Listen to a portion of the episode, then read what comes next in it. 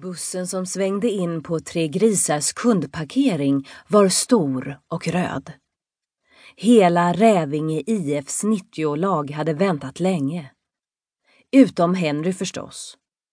Rävarnas tränare Hugo tittade på klockan och suckade. Har Henry försovit sig nu igen?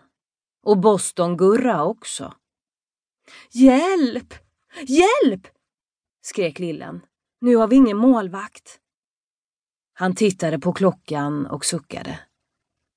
Synd att min pappa är på sjön, annars kunde han ha hoppat in. Han har jättelånga armar. Lillen brukade ofta tala om sin pappa när de andra killarna i laget hörde på. Han ville inte att hans pappa skulle bli helt bortglömd bara för att han inte sett en enda träning eller match sedan rävarna började spela i augusti förra året. Många andra pappor var med. Alldeles för mycket, tyckte somliga. Men i samma ögonblick som busschauffören stängde av motorn kom Bostongurra cyklande på en tandem med Henry där bak. Jag behöver inte trampa. Cykeln går av sig själv, skrek Henry som hade sin fotbollsväska i famnen. Hugo visslade förtjust och gick fram och sparkade på tandemcykelns framdäck. Schysst hoj! Boston-Gurra såg lycklig ut.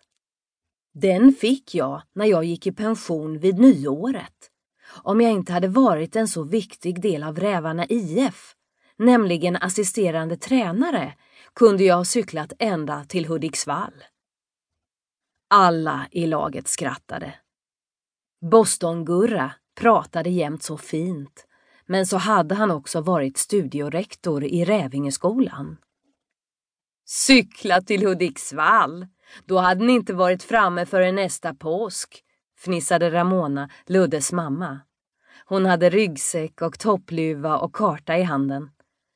Ludde själv hade inte sagt någonting på minst en timme, fast han var glad och spänd inuti kroppen.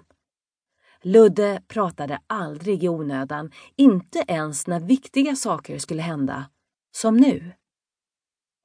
Han skulle åka på sitt livs första fotbollskupp och han brydde sig nästan inte alls om att hans mamma hade en så gammal mössa.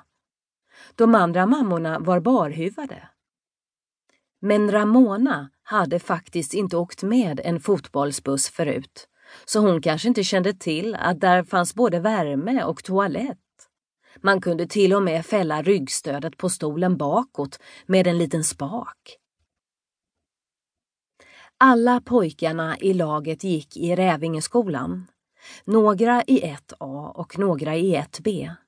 Men Henry gick i tvåan fast han bara var sju år som de andra. Henry bodde hos sin farfar Bostongurra därför att hans föräldrar omkommit i en olycka när Henry var liten. Äntligen kom Ludde på något smart att säga.